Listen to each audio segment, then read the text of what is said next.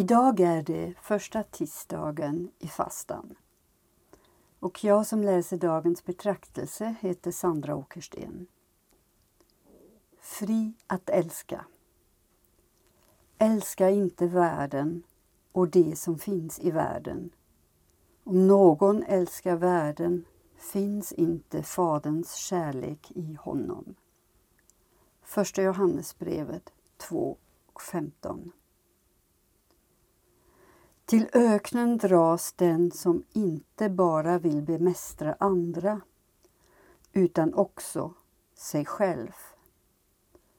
Abba Ammun av Nitria besökte Abba Antonius och sa till honom Jag fastar mer än du.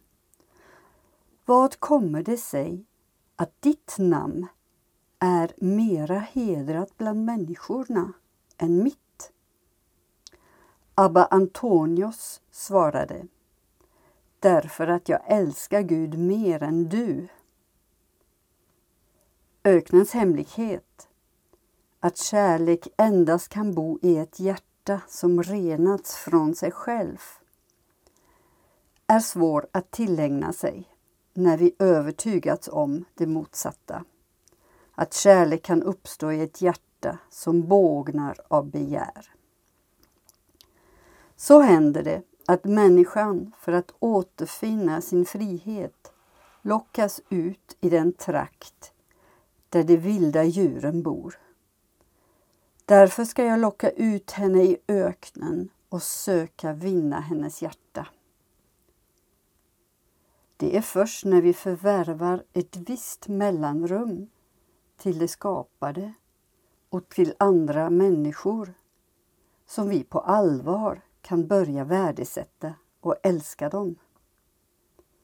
Fastan behöver förstås mot den bakgrunden. Den frihet den asketiska traditionen talar om är inte ett oberoende av ting eller människor i sig utan av det som binder oss vid det skapade. Den människa som älskar sig själv mer än Gud älskar saker och personer för de fördelar hon själv kan få utav dem, skriver den amerikanska munken Thomas Merton. Därför är fastan, eller askesen, aldrig ett avståndstagande den är en väg till ett genuint mottagande. Ju mer beroende vi blivit av Gud, desto mindre beroende av omvärldens bekräftelser. I det oberoendet kan vi ta emot världen, både ting och människor och vårt eget liv. Inte för vad de ger oss utan för vad de är i Gud. Ett mottagande som är idel glädje. Vi förenas i en bön.